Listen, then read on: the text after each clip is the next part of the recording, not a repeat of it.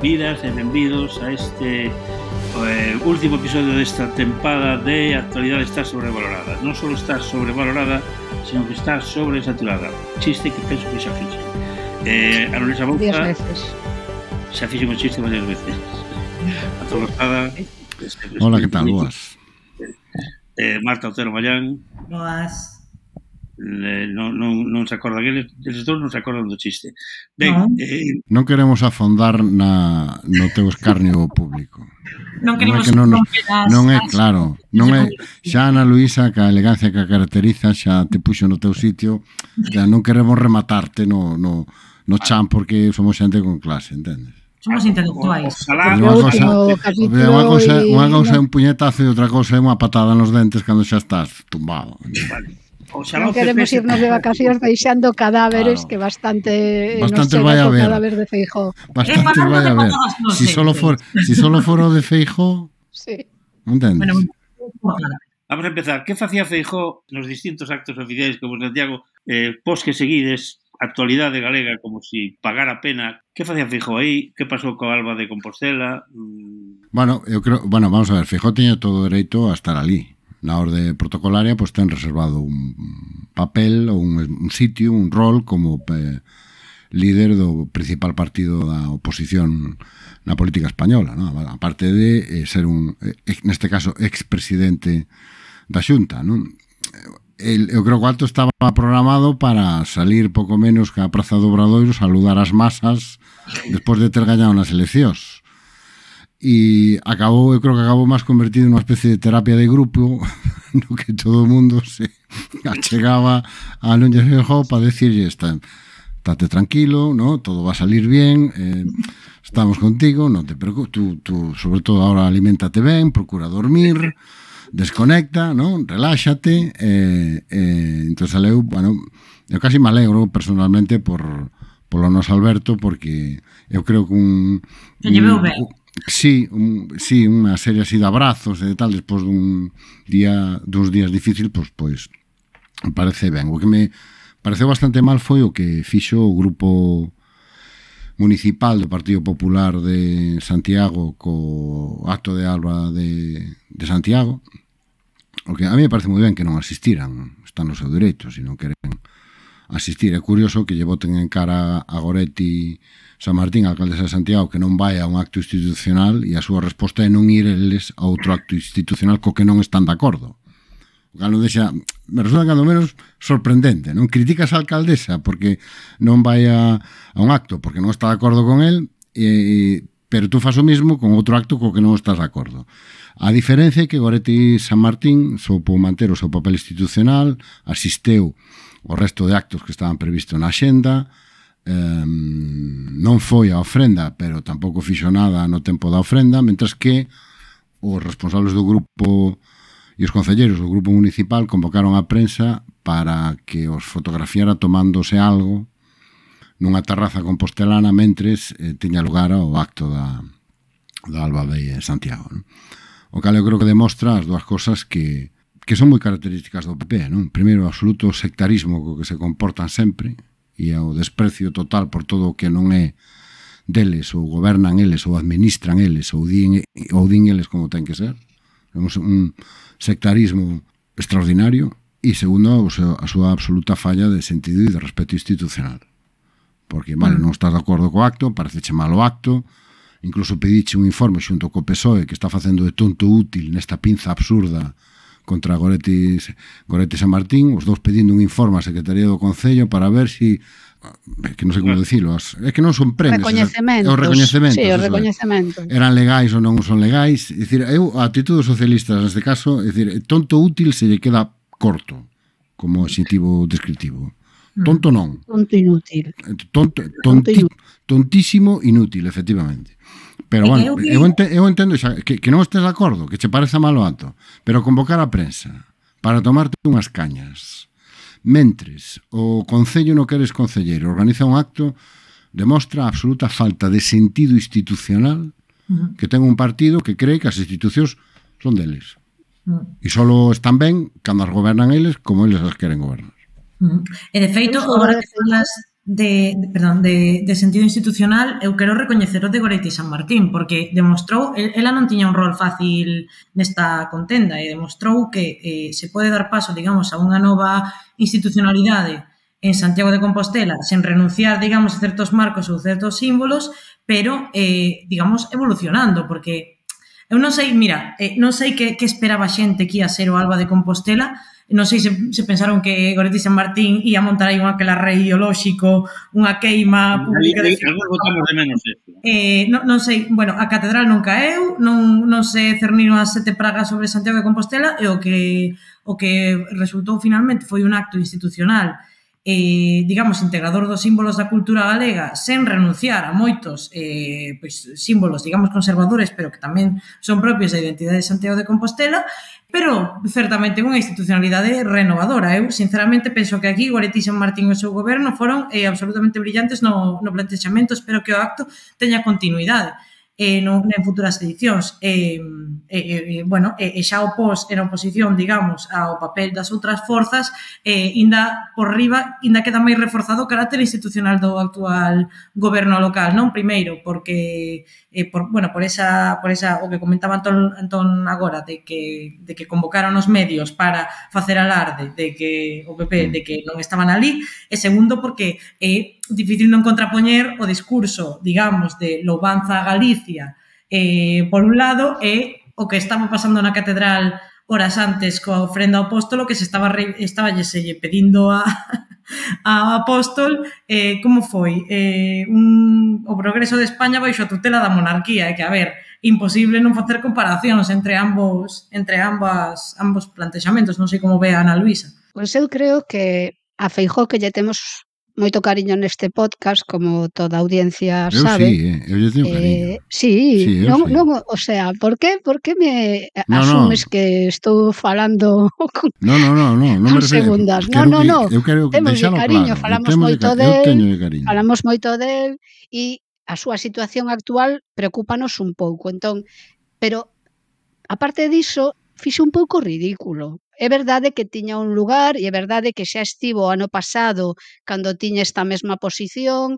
A cuestión é que sempre é a, a, as expectativas que creas, porque hai que lembrar que el dixo que el ia ir a ese acto en sustitución da alcaldesa de Compostela porque non se podía eh, permitir que unha autoridade faltase, non sei que, non sei que. O sea, el creou unha historia ao redor diso e quedou eh, aí realmente eh, oscurecida, ¿no? E parece como se si fora eh, a facer unha especie de de, non sei, de petición ao apóstol a ver se si lle axuda a, a desmontar algo nas Cortes.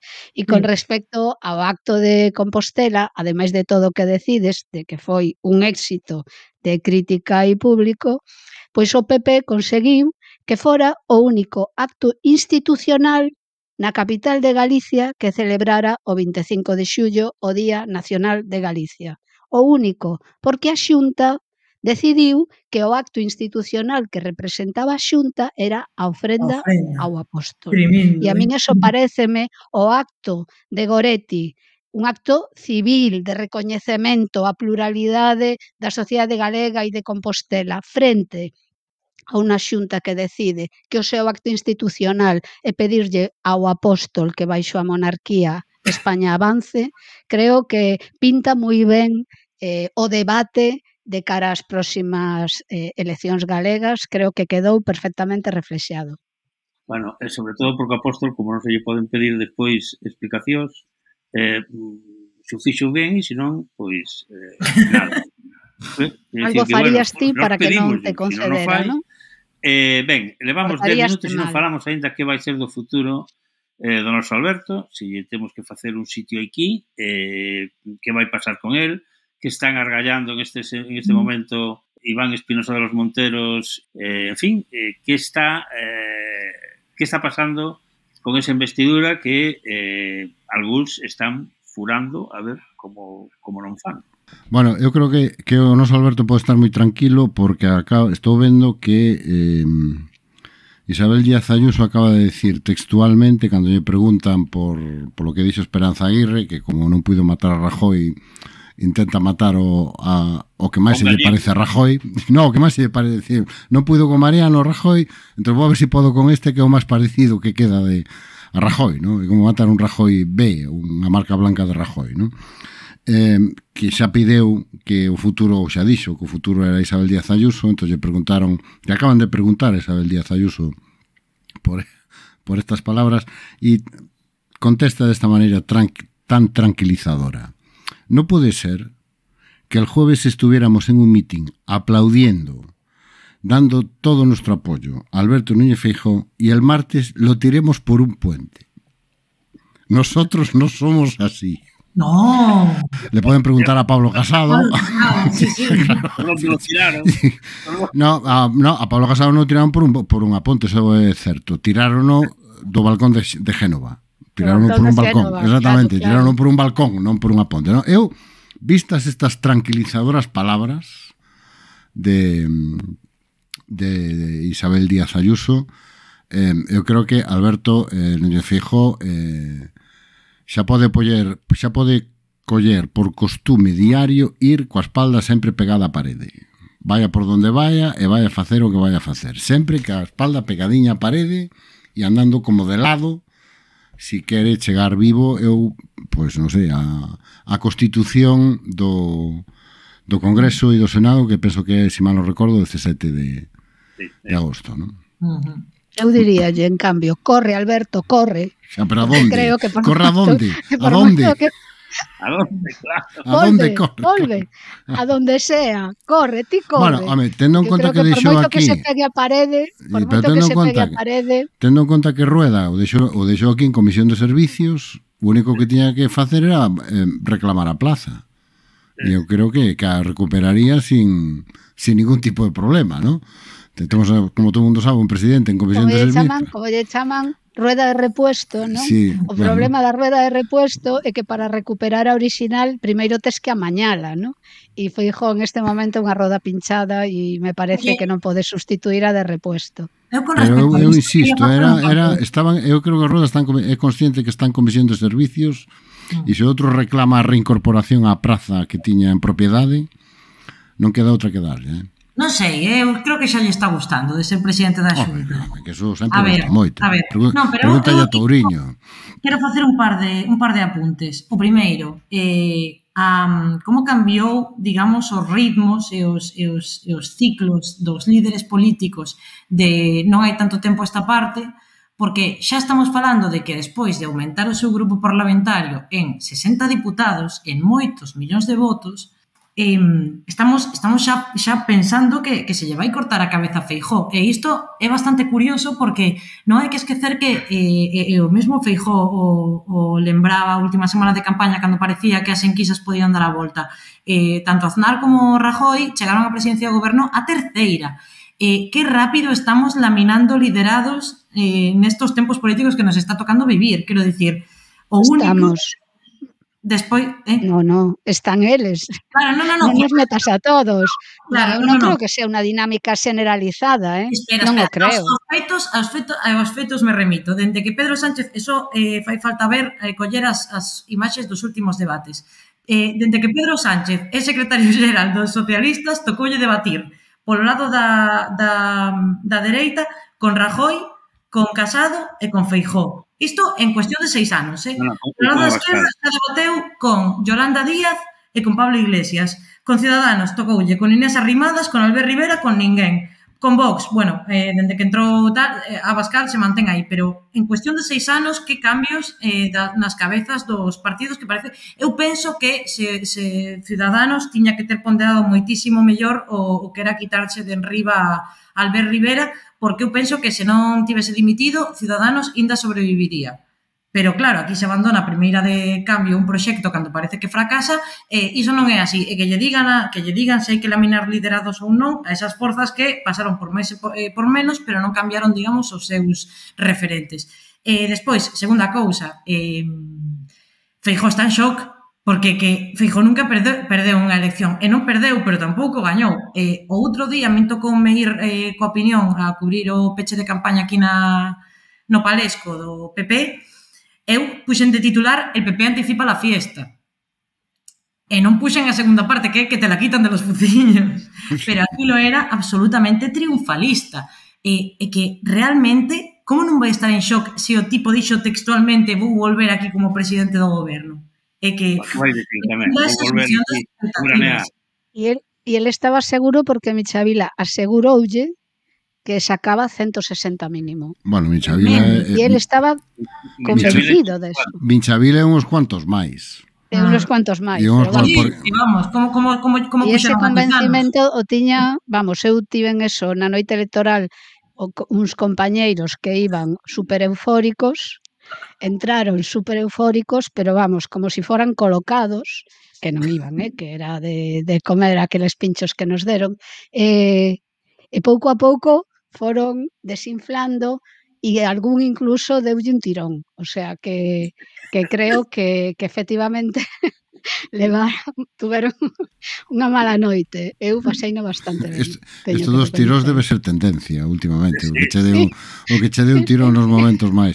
Bueno, a ver, eu eh, con respecto aos resultados, non?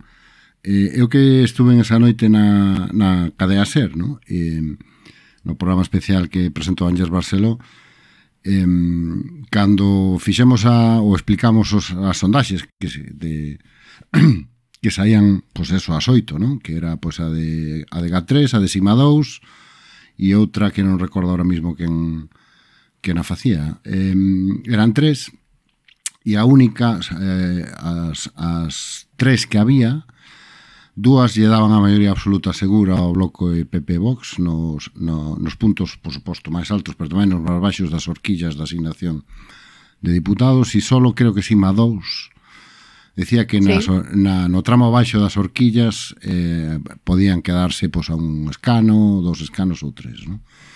E mm, a mí me tocou un grato papel de pasarme hasta que empezara, empezou a haber resultados oficiales avisando tanto a audiencia como os compañeros de tertulia, que eh, había que tomar as, estas enquisas con, con pinzas, por dúas cosas. Primeiro, porque non son enquisas a pé de urna, sino que é a acumulación dos trackings que fixeron durante toda a campaña estas empresas e que normalmente se pecha o traballo de campo o sábado, é dicir, o domingo ninguna delas saleu á rúa a preguntar a ninguén.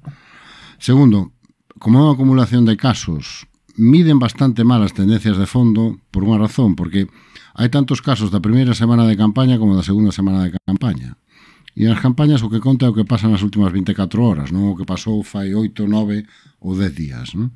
Entón, calquer movimento que se pudera estar producindo teñe moitas dificultades para medilo, porque por moito que refresques cada día con 600 ou 800 casos novos, a mostra sigue sendo mm, abrumadoramente mayoritaria de días anteriores. De maneira, sí. Entón, é moi difícil que resisten cambios e, sobre todo, ten que ser cambios moi claros, ten que, ten que ser realmente... E, ademais, algún... Antón, a cociña, se, se hai cambios moi claros, ainda así, a cociña o reduce. Mm. Entón, aínda sí, se perde máis. Porque as cociñas tenden a ser conservadoras, entre outras cosas, porque se basan claro. moitas veces no recordo de voto.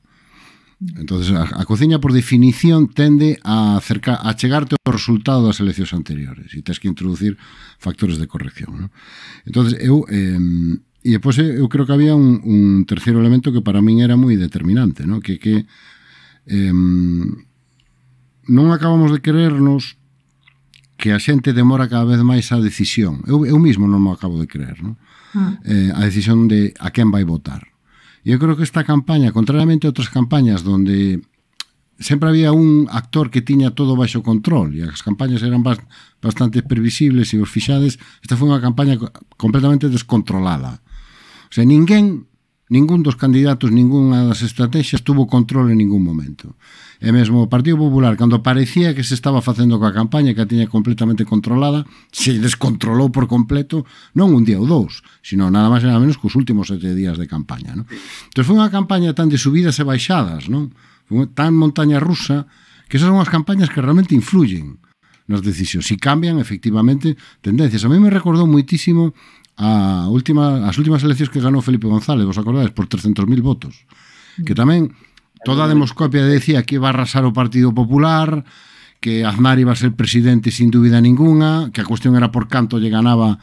E a última semana de campaña, donde Felipe González, hai que reconocer que fixo unha campaña impresionante, da súa capacidade de mobilizar o votante socialista, lle deu a volta completamente a todo. E se produxe unha movilización relámpago da esquerda que nos colleu a todos completamente eh, despistados. ¿no? Entón, eu creo que se si queremos entender o que pasou, temos que ter en conta primeiro que aínda que moitos dos demóscopos, se di así, non? Demóscopos falan como se si o que tuveran fora matemáticas, non son matemáticas. É dicir, a demóscope chega ata onde chega che unha foto dun momento determinado. Pero esa foto vale para ese momento, ou xa non vale para 24 horas despois ou para 48 horas despois. Pero moitos deles falan como isto xa xa está así, xa non vai cambiar. Tú que sabes? Tú que sabes o que vai a cambiar e máis nas sociedades nas que vivimos agora, ¿no? Mm. E pois eu creo que hai un segundo elemento que é importante, ¿no? Que estas eleccións perdeunas Núñez Feijó. Non as ganou Pedro Sánchez, nin Yolanda Díaz, perdeunas Alberto Núñez Feijóo que cometeu dous errores que, por certo, tende a cometer sempre en casi todas as campañas nas que leva a ventaxa. Primeira, ir de sobrado, ir moi sobrado. Eso, eso vai co ucho. Eso, tra, eso, eso, eso propia. Ir de sobrado. E segundo, traballar sobre, eu non sei que lle convenceu, de que nada do que fixera non ia ter coste Alguén lle dixo, pacta con vos que non ten coste. Alguén lle dixo, eh, utiliza datos falsos ou, como di el, datos inexactos, que eso non ten coste. Eh, Marcial Dorado non ten coste. E ao final, o que pudemos ver eh, o domingo pola noite é que pactar con vos ten coste, que te mm. collan mentindo non saber rectificar ten coste e que che pregunten pola tua amistade con un narcotraficante e digas que non sabías que era narcotraficante e o día seguinte digas que, bueno, Narcotraficante, eh, contrabandista, sí, pero era dos nosos. Ten coste. Hmm. Eu, se me permitides, teño... Estou bastante de acordo co que acabades de dicir ambos, pero eu teño tamén outra percepción, que que non creo que houvese de plano, dende inicio, eh, unha deleitización da sociedade tal e como nos querían vender as enquisas. Eh, non, non penso que a distancia, digamos, entre Pedro Sánchez e Feijó eh, antes da campaña fose tal e que a, ao marcha de que foi unha campaña boísima por parte do PSOE, por parte de Pedro Sánchez e por parte del llanero solitario Zapatero, eh, foi unha campaña eh, espectacular que, de feito, eu penso que, sobre todo na última semana de campaña, conseguiu enganchar a un electorado eh, que tende a non involucrarse, digamos, en procesos electorais e conseguiu transformar ese voto útil e resignado en un voto de, incluso con certa ilusión para certo electorado cara ao, cara ao PSOE, ao marxe diso, penso que, que non non había a distancia que nos querían vender. Quero dicir, o produto, o, o, ao final, o, o produto das, das eleccións autonómicas e municipais do 28 de maio foi máis unha derrota da esquerda que unha vitória da dereita, porque moitísimos deses gobernos que cambiaron de cor eh, cara a opcións conservadoras foron froito da desmobilización da esquerda que se mobilizou eh, coa convocatoria electoral, eh, bien, sobre todo pois ante ese, digamos, medo a un goberno de dereita e ultradereita. Eu penso que eh, a, a sociedade non é máis de dereitas que hai 4 anos e esas, digamos, burbullas ideolóxicas nas que, nas que moitísimos columnistas, tertulianos e xornalistas viven é o que xustifica, digamos, o estupor do LUNS porque a, a frase máis repetida, eu o primeiro que fixen o Luns foi poñer a Federico, porque que Federico estaba fora de sí. Eh, todo o, o, o, o columnismo de dereitas estaba absolutamente desencaixado porque a frase máis repetida foi Non entendo como é posible isto se Pedro Sánchez non pode sair á rúa. Eso non é certo. Hai que cambiar de rúas. Porque se, se, se ben é certo que Pedro Sánchez eh, xenera unha mm, animadversión tremenda en, en estratos conservadores ten moitísimo apoio noutros, noutros, noutros eh, segmentos de poboación. Eu vino aquí na Coruña, cando aquí esti, eu estive no mitin de Pedro Sánchez e no mitin de Zapatero cubrindos para a opinión. É unha pasada cantidad de xente que se lle acerca a pedirlle bicos, a pedirlle abrazos, a pedirlle tal. E esa percepción, pois, se va a rúas ou a prazas máis conservadoras, pois será a contraria. Pero aquí non se pode dicir que Pedro Sánchez non poda sair á rúa porque non é certo. Daquela, eh, a importancia, e xa comentamos en episodios anteriores, de romper esas burbullas ideolóxicas, porque é que nos, nos alonxan da realidade. E de un lado, o de outro. Despois eh, podemos falar, se queredes, da, dos resultados do BNG, pero bueno, eh, el poder del perro, amigos.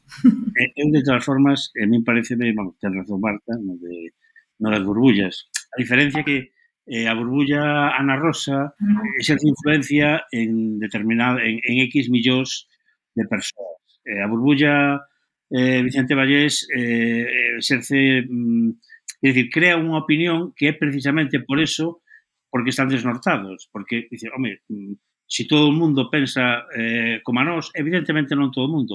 Eu penso que se hai unha deritización eh, máis ou menos lenta, pero se hai unha deritización.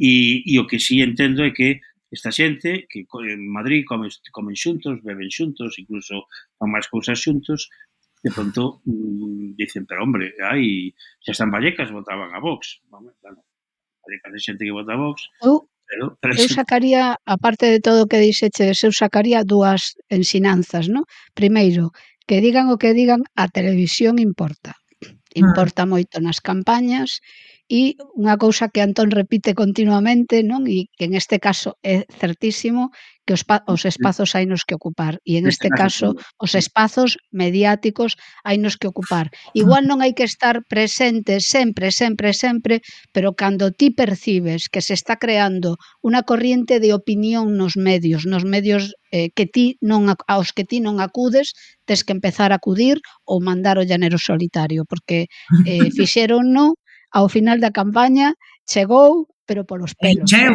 eu, encheu que creo que aquí esta campaña foi unha campaña moi efectiva para realmente definir o voto, ¿no? por unos e por outros, porque tamén o noso Alberto iba a Madrid pensando que iba a ter a mesma protección mediática e ben que asuntou a determinados medios que tiña en Galicia, pero en Madrid non tivo a mesma protección mediática. Igual incluso por parte dos seus, non? E bueno, eu creo que a campaña en este caso cambiou as tornas, non? O medo cambiou de lado, que dirían os outros. Mira, eu empecé a ter a, a intuición de que as enquisas se podían podían estar sobrevalorando o PP e infravalorando o Partido Socialista, que é o gran error que se comete, pois se vos fixades, como un e con Vox acertaron bastante todos, porque a cousa quedou, ah. pois, pois eh, non ten contén, non?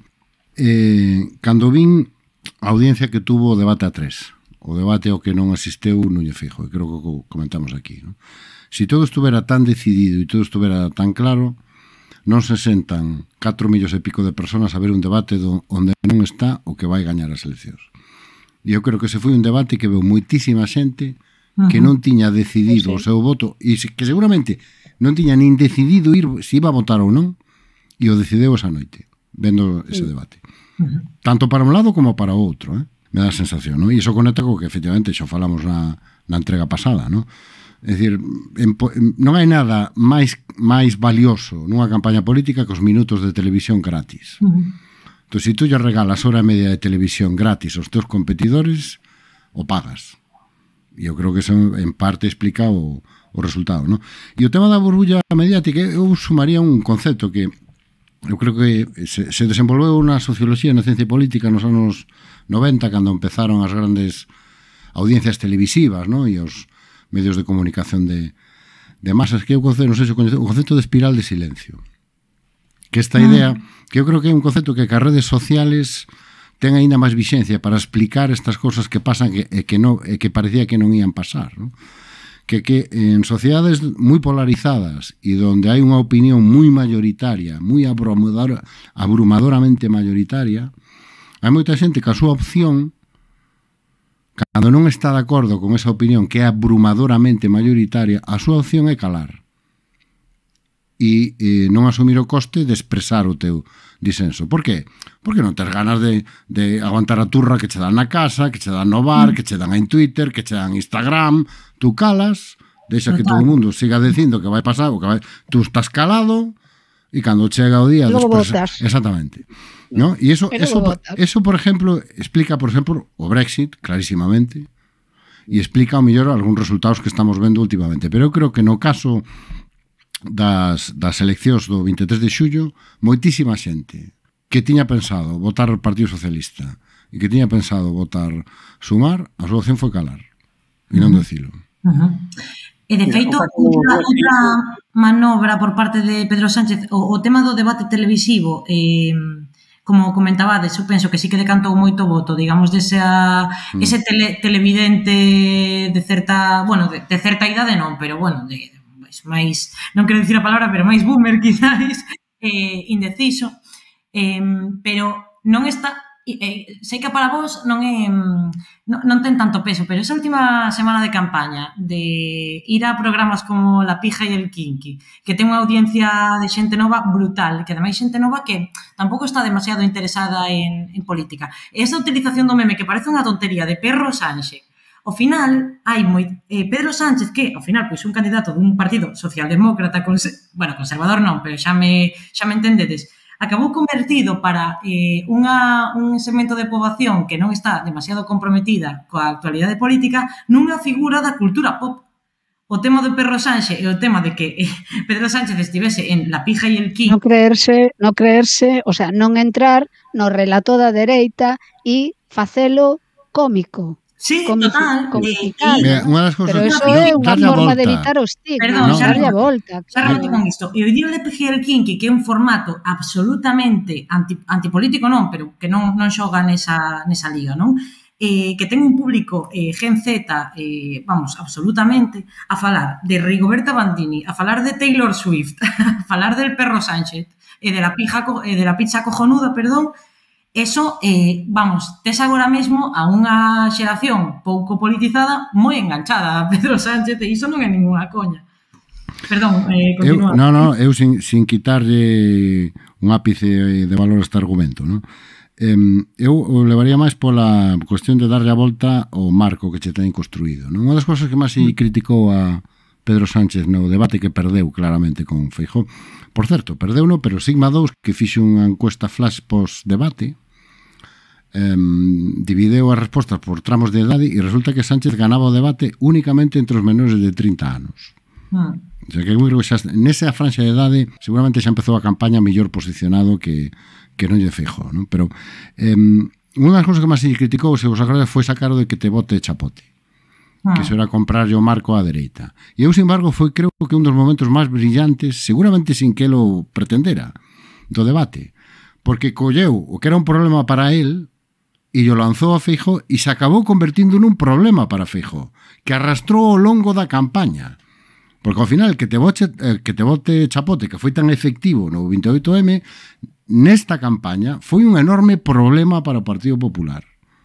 E todo arranca, en boa medida, cando eh, Sánchez yo pon en riba da mesa e, e non lle fejó con a falta de, de cintura que xa todos lle coñecemos, é incapaz de desmarcarse ningún milímetro co fácil que era desmarcarse, pero é que ningún milímetro. E xa vimos todo o que pasou, todo o que pasou despois. E, e eu creo que eso estuvo moi presente na segunda parte da campaña. Ademais de outra cosa que tamén comentamos aquí, que que tú podes mentir nun debate para ganalo cando o debate o, vamos a ver, cando o debate 24 horas de que a xente pode votar non ten coste. Pero cando o debate é dúas semanas antes de que a xente poda votar, acaba tendo coste. O post debate que falábamos. Claro, acaba sí, sí, tendo sí. coste. E sobre todo, se si non sabes rectificar, se si non sabes um, correxir, si, si encima se pone arriba da mesa a evidencia de que estás mentindo e a tua resposta é poñerte chulo. E te escaqueas, e te escaqueas do resto dos debates para que non se note tanto. Hmm. Sí, sí, a ver, o sea, é que o Feijó fixe unha campaña horrenda. É que perdeu Falamos el, estas eleccións perdeu nas el. Sí, sí. Pero Claro, claro. Sánchez fixo unha boa campaña e Feijó fixo unha campaña moi mala. Espero que Mar e Mar as dúas mares, os dous mares tomen nota. Estades vos repetindo, estades vos repetindo con esa historia. Digamos, Estades vos repetindo, estades vos repetindo. Feijóo perdeu as eleccións, fixo unha campaña moi moi mala e outro saliu por aí porque es perro Sánchez, está claro. É dicir, unha cosa que apuntou Marta non lle fixeste casos. Por que el bloque, digamos, non respondía ás súas expectativas? a resposta obvia é que nun, nun ambiente en que, en que hai que salir a la tele, eso, é dicir, non, non arrancas con máis a campaña, non a finalizas con máis votos das carrincas, das carrincaches. Eso está claro. E outra... Non vale. Perdón, continúe despois xa digo, no, no, despois no, no, xa me se queredes. Eu penso que aí funcionou moito, digamos, o voto útil e o debate a tres. Vale, e... Fixo claramente ben eh, foi Yolanda. E se comparas, por exemplo, os votos eh, do Senado e os votos do Congreso, ben é certo que os votos do Senado é así el caramelo que le das ao sobrino para que no para que no llore, non? Mm. A ver, eu, sinceramente, eh, penso que é un erro cando unha formación política non cumpre as expectativas buscar as razóns únicamente fora.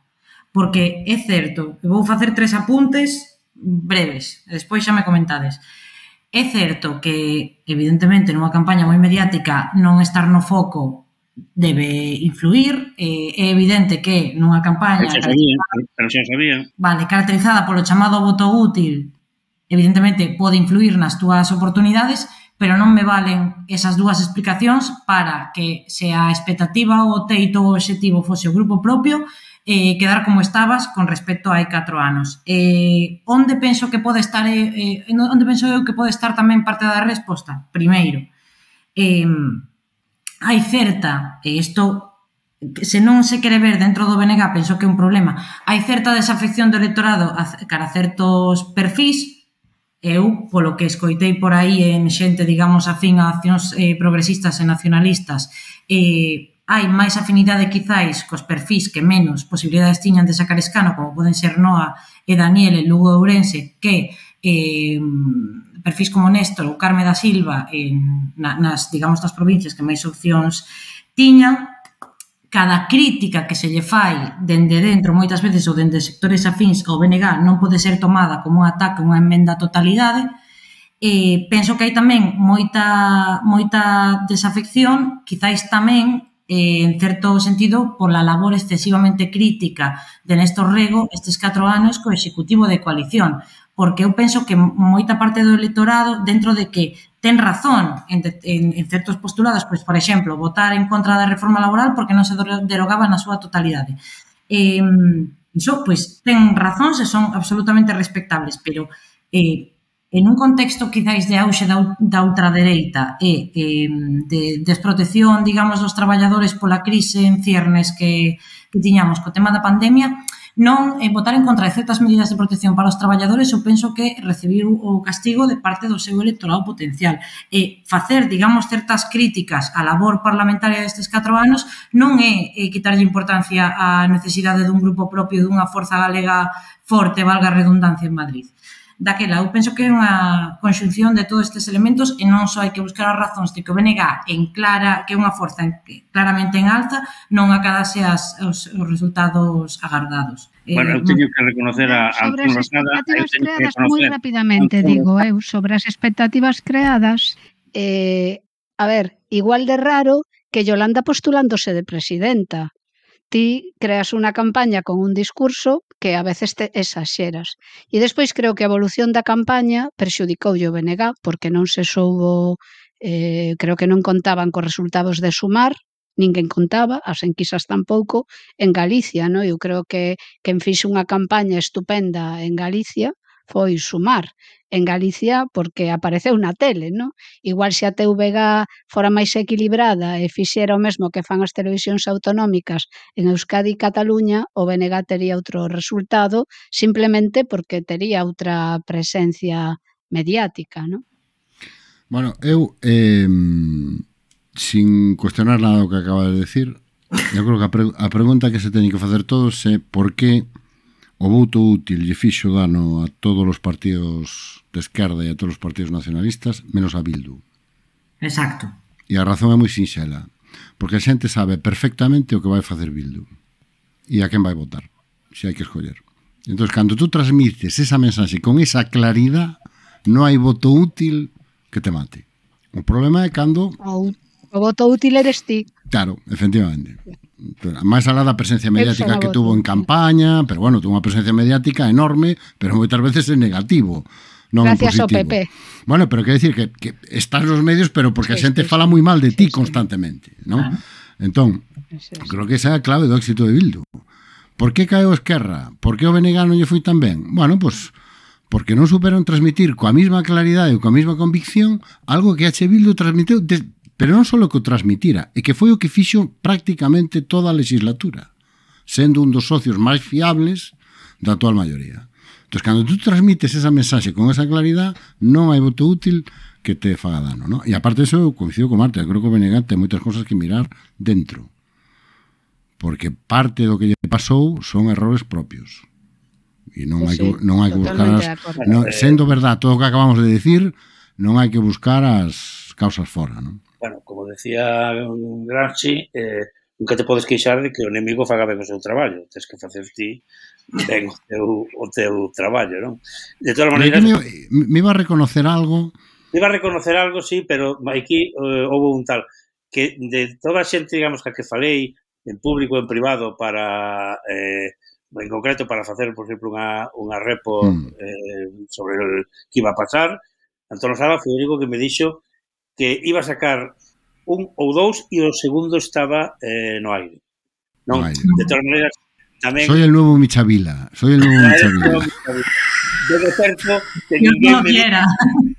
ninguén me dixo que iba a sacar parlamentario dentro ou fora do Bregar. Tampouco ninguén me dixo no. que, que se creía lo del grupo parlamentario. Vale, no, me chames, que... no me chames Losada, chámame Michavila a partir de agora. Michavila.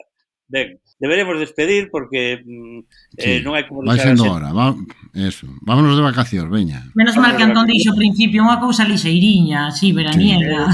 Sí, sí. bueno, a lixeira quedou. É que, lixeira, é que se, se, se análisis aquí non hai. No, no, no, pero pero temorado sí. Eh, vou facer vou, vamos facer como no baloncesto. Tiempo de rebotes, asistencias, Non, non, non me deixaste facer ningún dos pases, meu. Pero eso facémoslo xa para o curso que ven, eso. vale, Pereiro? Veña. Vale, Agora bien. imos despedindo e desexando vale, a audiencia bien, pues, que pasen un mes de agosto o máis fresco posible. Sí, ben, en Islandia. E sobre eh, todo, o consello que lle dimos a Feijó ao principio do podcast vale para todos. Se, a ser posible, a espaldiña sempre ben pegada á parede, por se acaso. Beber moita auga. Bueno, eh, Ana Luisa Bouza, feliz verao. Igualmente. Antón Losada, vai pola sombra. Eso. Eso. Ana, eh, Marga, Marga non, Marta Otero, Mallac. Eso. Ten, ten cuidado con os físicos. E eu que siga así tan así como hasta ahora. Ben, ata, ata todo o mundo, ata o grau que ven. A, digo, ata o outono que ven. Eh, te entendimos, Xosé Manuel, non te preocupes. Tranquilo. Queda tranquilo.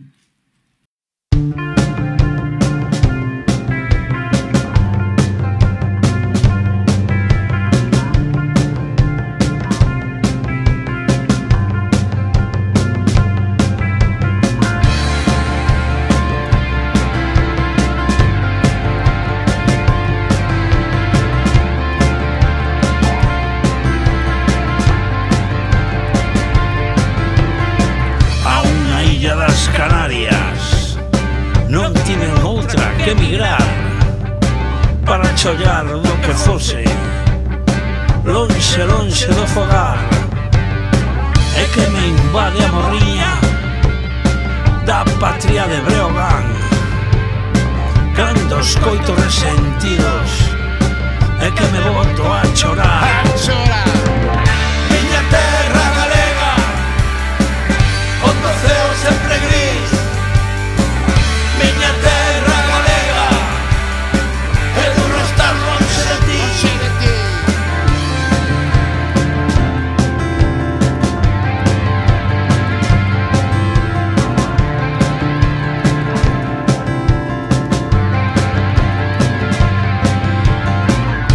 se queixan os pinos.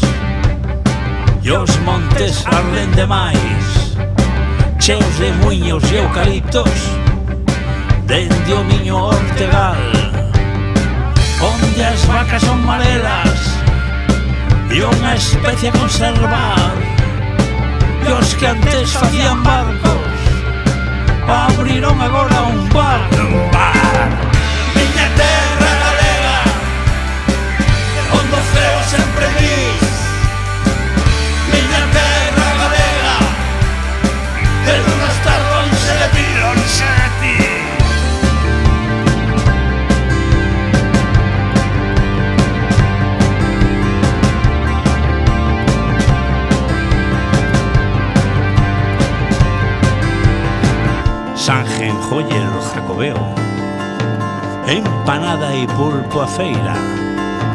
queimada y el vino turbio, lo bien que se come aquí. O viñasito miñanco, foncellas e curuxás, a resistencia galega e o pazo de Meirás.